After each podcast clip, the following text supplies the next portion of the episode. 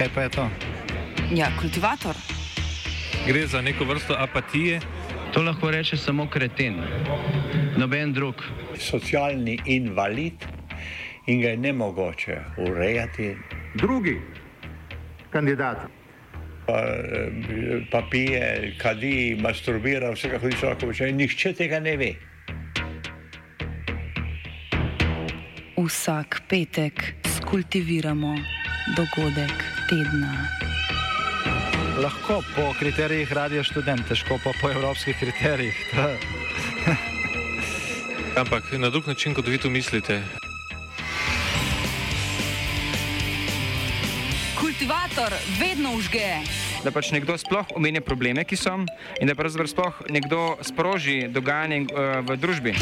To drži, drži. Poslušate kultivator, pičimo enega z prve. Lepo zdrav vsem skupaj. Kot ste seznanjeni, je vlada sprejela, se upravičujem, je vlada sprejela naslednje sklepe in sicer prvi sklep pravi, da se je vlada Republike Slovenije seznanila z revizijskim poročilom o smotrnosti nabave bojnih kolesnih vozil 8x8 za potrebe slovenske vojske. Potem drugi sklep pravi, vlada Republike Slovenije je sklenila, da se Republika Slovenija umakne iz programa Boxer ter nalaga Ministrstvu za obrambo, da o tem obvesti organizacijo za sodelovanje pri skupnem oboroževanju s kratico OKAR in izvede vse ustrezne nadaljne postopke. Danes je vsekakor žalosten dan za slovensko vojsko. Modernizacija se na nek način ustavlja. Slovenska vojska se potem, ko so bile v preteklosti sprejete odločitve, da bomo pridobili najmodernejšo tehnologijo, ki je trenutno na voljo na trgu, tudi zato, da zagotovimo čim večjo stopno varnosti našim vojakom, današnja odločitev vlade nakazuje na to, da se ponovno vračamo nazaj k stari tehnologiji.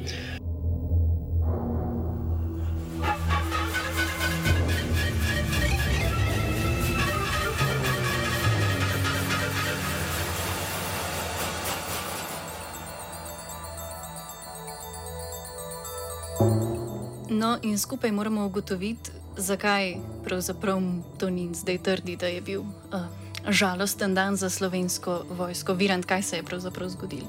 Ja, najbolj nek eh, formalističen dogodek. eh, Ministrstvo za obrambo je imelo notranjo revizijo o smotrnosti nakupa uh, bokserjev, teh 45, to gre se za pogodbo, ki jo je Tonin eh, kot še minister v, odstop, v odhodu eh, podpisal 11. maja, to je bilo ene, kaj, dva tedna po volitvah, eh, par dni pred sestopom z funkcije. In je že takrat uh, ogrelo ozračje. No, na tej notranji reviziji, m, bomo slišali, niso odkrili nič. Odstopilo se je pa eh, torej od te pogodbe z organizacijo za sodelovanje pri skupnem oboroževanju, kar se zelo lepo sliši, še lepše pa okar, kot je kratica. ne. Spravi, uh, Slovenija je pri tem organizaciji, ki je v bistvu kot nek evropski projekt, naročila eh, teh 45 bokserov. eh, Organizacija je podala naprej na, naročilo mm, v industrijo, ne v tovarne, da rabijo toliko in toliko teh bokserov, in zdaj smo mi odstopili od tega. Kaj je pokazala uh, uh, revizija?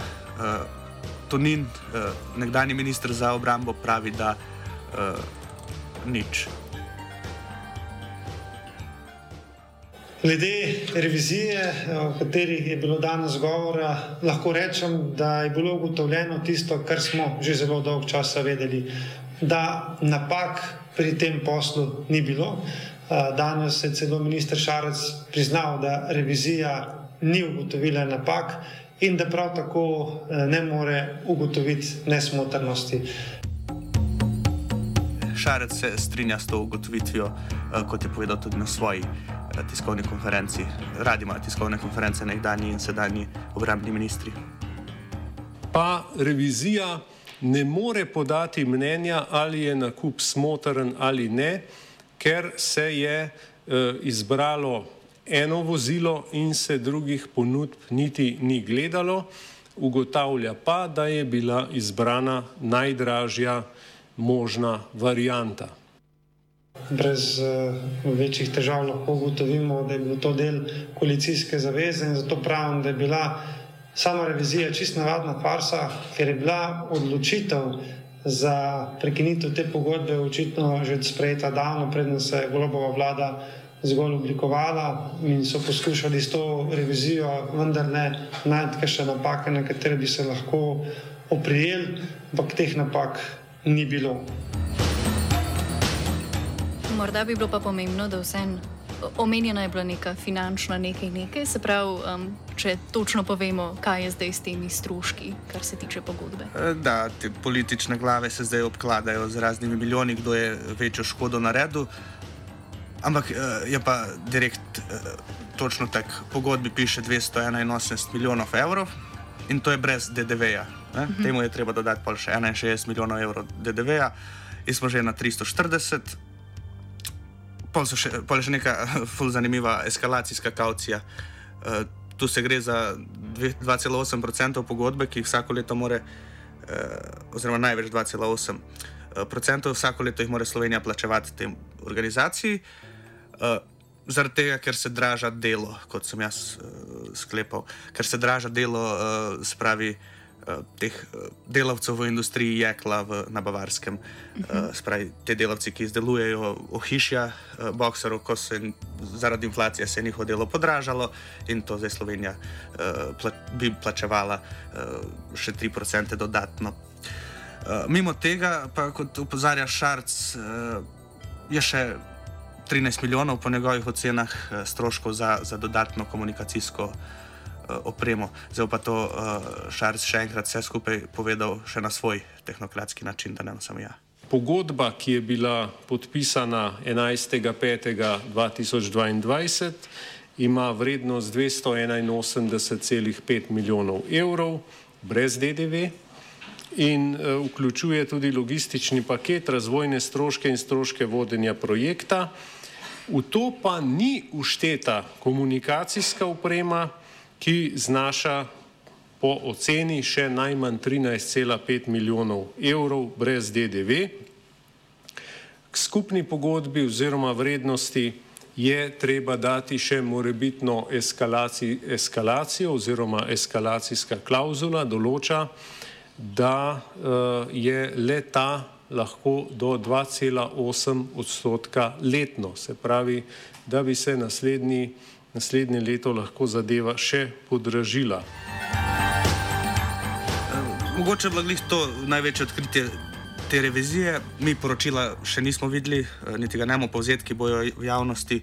Uh -huh. Uh, ampak mogoče glih to, da, da bo treba mimo pogodbe še plačati uh, približno 13 milijonov evrov za komunikacijsko opremo, glede na to, da so na ministrstvu, ko je bila pogodba podpisana, se pravi uh, maja, 12. maja, ko so imeli tiskovko, so rekli, da so popolnoma opremljeni. Ne? In to, tu je mogoče ta največja uh, polemika. Uh, prisluhnimo, kaj je rekel Uroš Korošec, generalni direktor direktorata za logistiko na Ministrstvu za obrambo v času eh, ministrovanja ministra Tonina. Vozila bodo bila polno opremljena, eh, vse komunikacijski sistemi bodo notar, eh, skratka, vozila bodo polno operativna, takoj, ko bodo prišla sedepol, ko jih sredinska vojska spremlja v operativno uporabo in prevzame, ampak vozila so namenjena uporabi takoj. Tukaj ni nekih dodatnih stvari.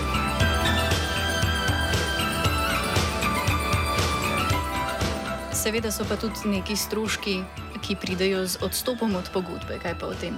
Da, če smo zdaj govorili to, kar uh, trenutna vlada očita prejšnji uh mhm. -huh. vladi, eh, se zdaj obračamo k temu, kar prejšnja vlada očita trenutni uh, golobovi vladi, torej da so opeharili uh, slovensko uh, davkoplačevalsko malho za 70 milijonov evrov, kot je uh, približek 20 odstotkom pogodbe, ker tu vidite, da so te.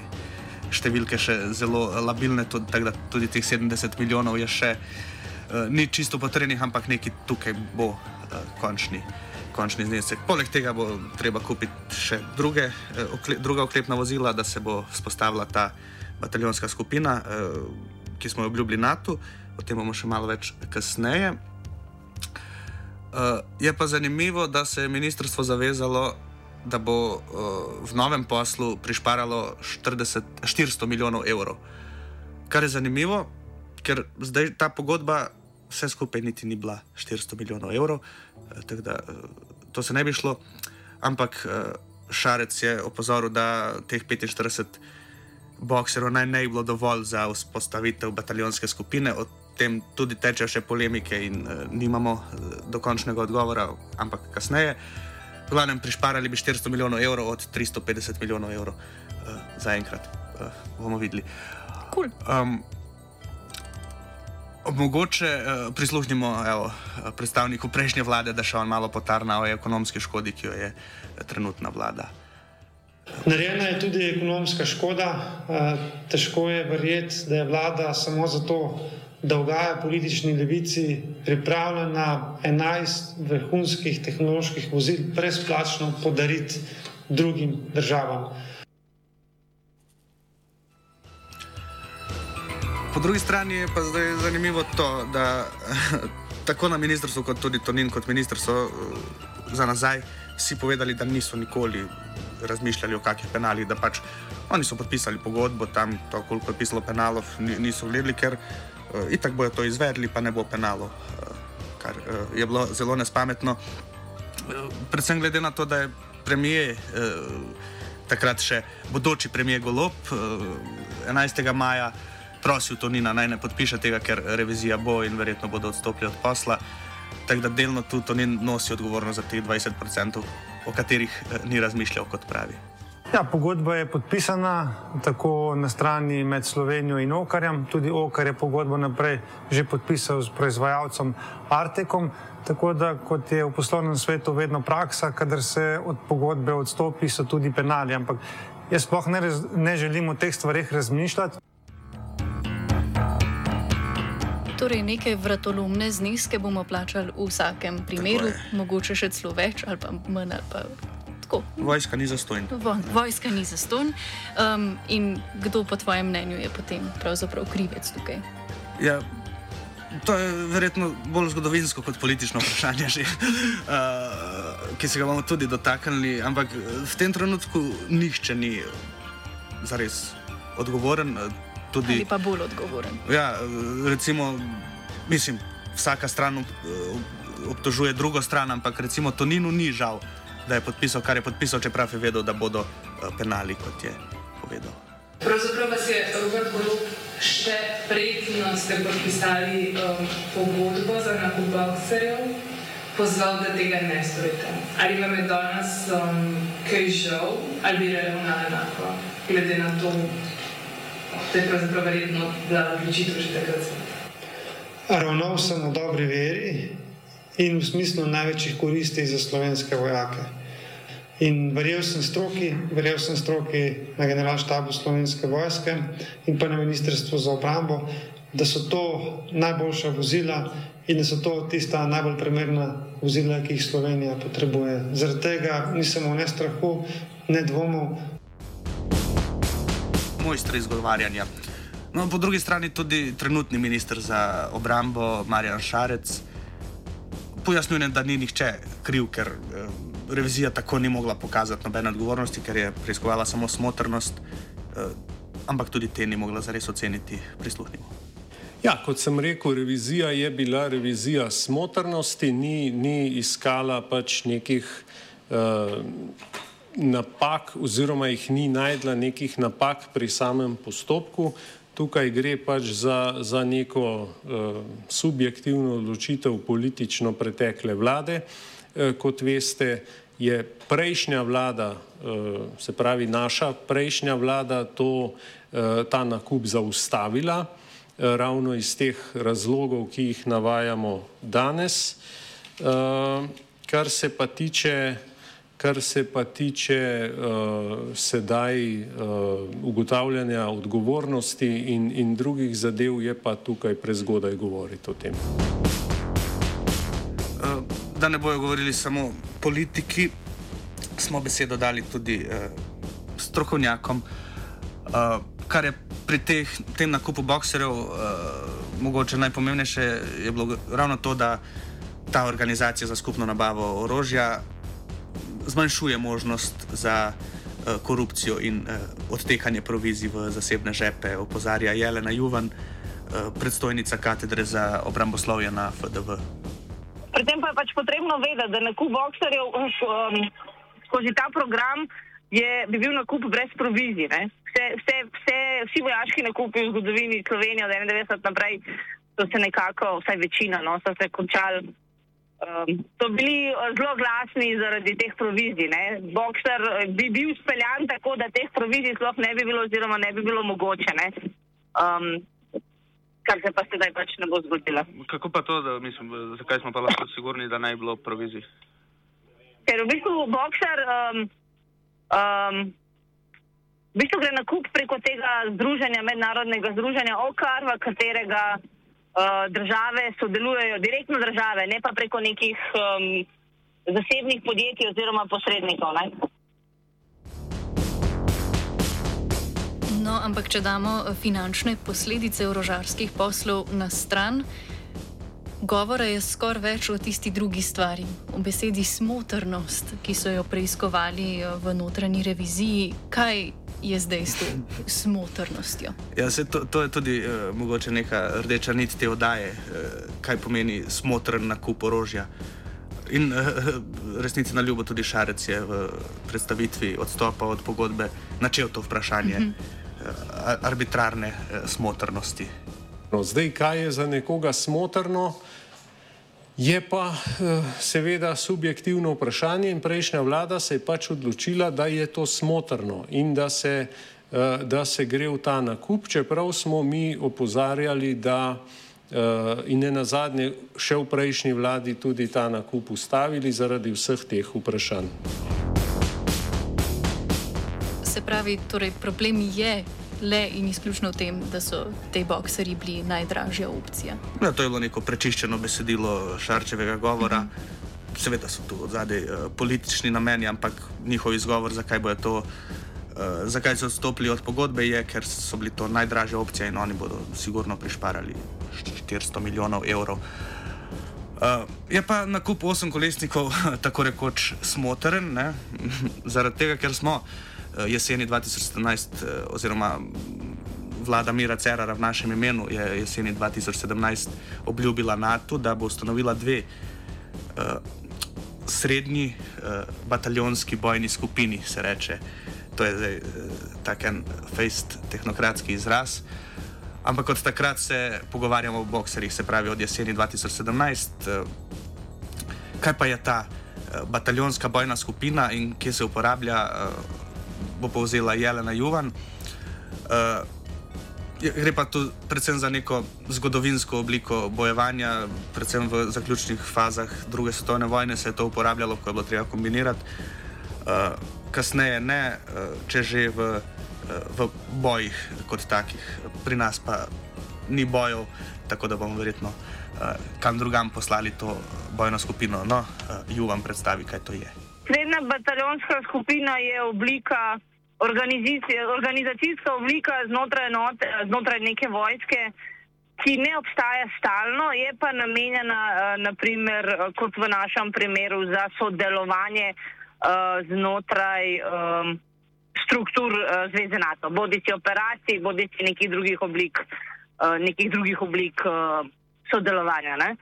Um, Tako da to res ne obstaja, ne? ampak eh, veste, mi ne bomo imeli srednje bataljonske enote znotraj slovenske vojske, ki bo stalno uh, organizirana, bo pa po potrebi, torej moramo imeti zmogljivosti, moramo imeti ljudi usposobljene za to, da po potrebi NATO to lahko uporabi. Oziroma mi damo NATO na razpolago. Od takrat, ko smo obljubili uh, srednje bojne bataljonske skupine in osem kolesnike, oklepnike, je bila skozi uh, predvsem sporna cena projekta. Zdaj, recimo v času vlade Mira Cerarja, spravi na začetku te zgodbe, leta 2017, uh, eh, je 56 takih oklepnikov stalo 207 milijonov evrov, no zdaj smo pa bili na 400 milijonov evrov za uh, eh, 45 oklepnikov, spravi 11 oklepnikov manj, 200 milijonov več. Uh, Ampak eh, tudi to je vprašanje, če, če sploh rabimo te oklepnike. Ne? Recimo Anton Bebler uh, v svojih medijskih nastopih zagotavlja, on je uh, znan diplomat in obramboslovec, uh, tudi zgodovinar.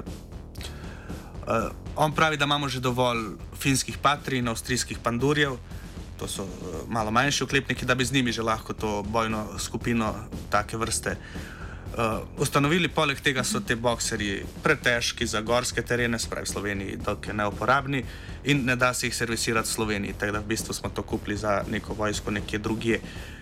Uh, po drugi strani je že leta 2017 nekdani polkovnik slovenske vojske, pokojni Ivan Herbert Kukec, uh, razlagal, da uh, sploh slovenska vojska nima dovolj zmogljivosti za uh, oklepno to bojno skupino, če že motorizirano, ampak uh, da vse to izhaja iz uh, nekih slabih obljub, ki smo jih dali NATO in se zdaj nekaj izgovarjamo. No, leta 2018 je Šarčeva vlada odstopila od tega celotnega dogovora, posla, kakorkoli, uh, tudi tak, na političen način, in na enak način je Poljanševa vlada to odprla in tik pred odhodom iz vladnih dvoran je to uh, podpisala. Uh, mogoče je zanimivo še to, da tudi za časa Janša vlade je levica bila recimo ful proti temu, poskusili so, so z referendumom, pa je mhm. ustavno sodišče odločilo, da referenduma na to ne more biti. Zdaj pa pač zgleda, da bo tudi levica eh, kot vladna stranka se strinjala na koncu z nekimi oklepniki, bomo videli še katerimi, mogoče istimi. Um, ampak ni, ni tu pomemben ta uh, bokser kot tak, ampak uh, lastnosti slovenskega obljubljanja uh, NATO, ki se vedno znova uh, izneverijo, kot pojasni Juvan. V bistvu ne gre za zgodovinsko vreme bokserjev, gre bolj za zgodovinsko vreme vseh teh obljub. Um, mi smo obljubili dve srednje bataljonski skupini že kar nekaj časa nazaj, potem smo pa približno, mislim, da še pet let nazaj v času, ko je bila ministrica za obrambo Katičeva, spremenili, da je ena srednja bataljonska, ena pa lahka bataljonska. Ne? Tako da To se v bistvu vleče že, že vrsto let, v bistvu, če ne že celo desetletje, oziroma dostopa članstva v Zvezo NATO.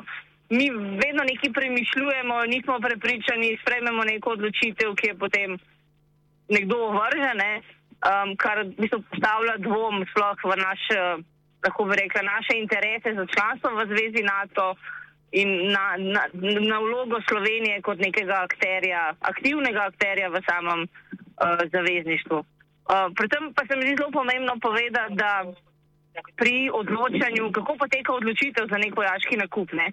da v bistvu ni politika tista, ki sprejme odločitev, kaj vojska potrebuje, še manj smo pač mi kot neki civilni strokovnjaki, ampak uh, vojska, vojska je tista, ki pozna uh, svojo oceno pripravljenosti, um, kad, kadrovsko zapolnitev vseh enot, kakšne oborožitvene sisteme potrebuje in generalštab je tisti, ki da vojaški na svet, kaj se kupi. Ne? Potem pa je politična odločitev, ali se to uh, spelje ali ne. Zdaj pri teh bokserjih um, je spet občutek, da se je ta vojaška stroka, ki stoji za tem vojaškim nasvetom, bila, um, spet ni bila upoštevana, ne? ker je politika sprejela neko drugo odločitev, ki je pač trenutno javnosti bolj všečna. Eh, ja, in ravno tu pri politiki se skozi zatakne sploh v APR-u. Uh, na eni strani Šars pravi, da uh, oklepnikov ni dovolj, če bi kupili samo 45 bokserov, da ne bo dovolj oklepnikov za sestavo te bojne bataljonske skupine. Uh -huh. Po drugi strani pa nekdani minister Tonin pravi, da seveda da je dovolj. Uh, prisluhnimo na očitek, eh, da je bilo premalo vozil, da eh, zgradimo srednjo bojno, eh, srednjo bojno bataljonsko skupino. Ne povem, da to ne drži.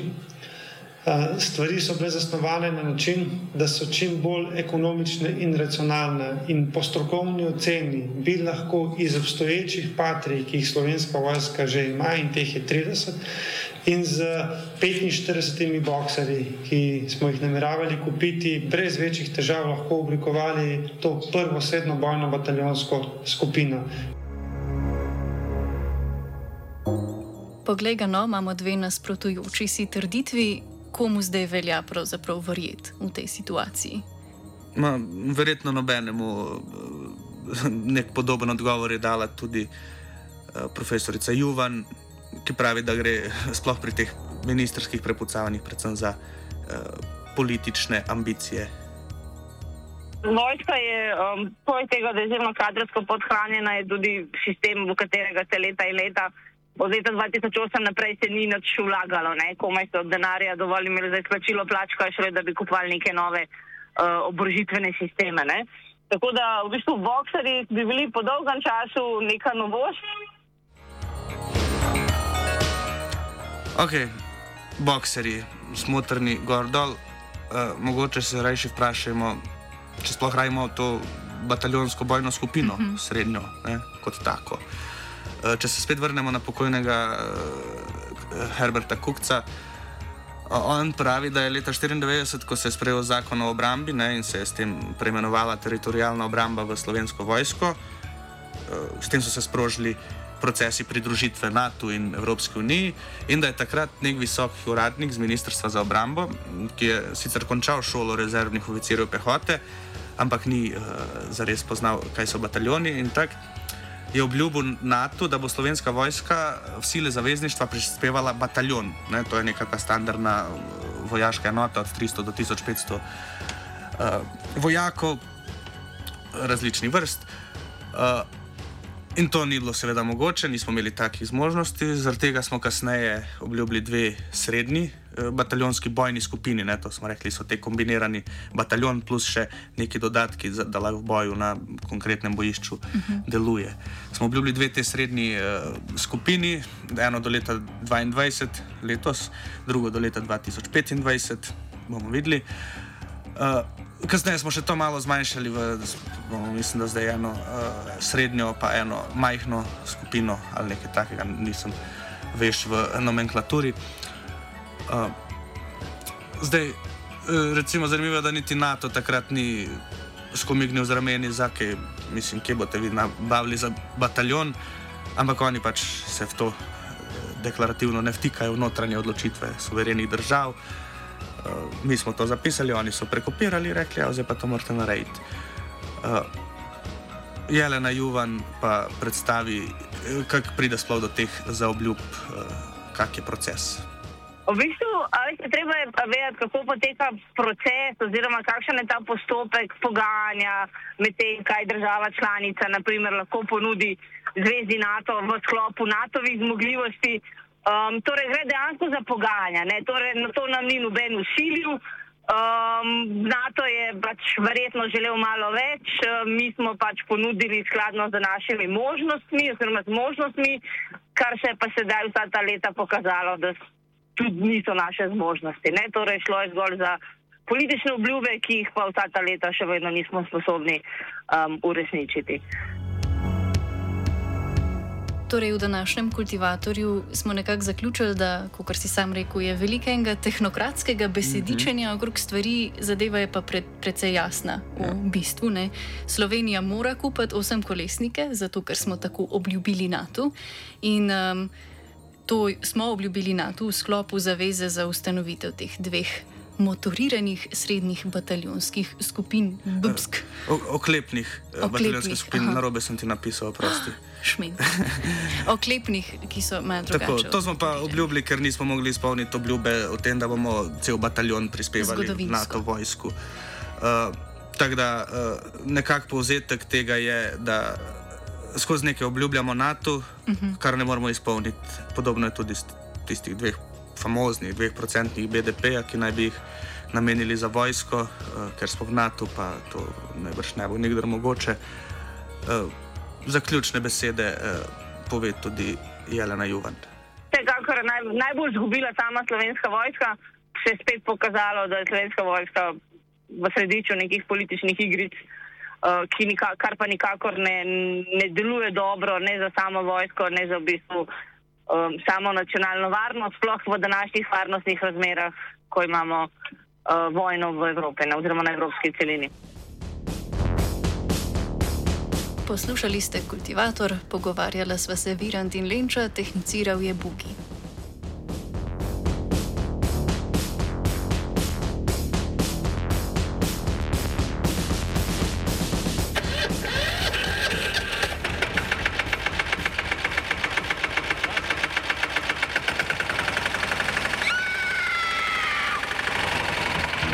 E, kaj pa je to?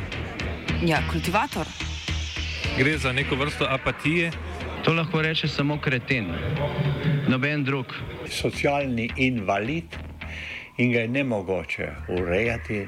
Drugi kandidat. Pa, eh, pa pije, kadi, masturbira, vse kako hoče lahko počne. Nihče tega ne ve. Vsak petek skultiviramo dogodek tedna. Lahko po kriterijih radio študent, težko pa po evropskih kriterijih. Ampak na drug način, kot vi to mislite. Kultivator vedno užge. Da pač nekdo sploh omenja probleme, ki so, in da pravzaprav sploh nekdo sproži dogajanje uh, v družbi. To drži, drži.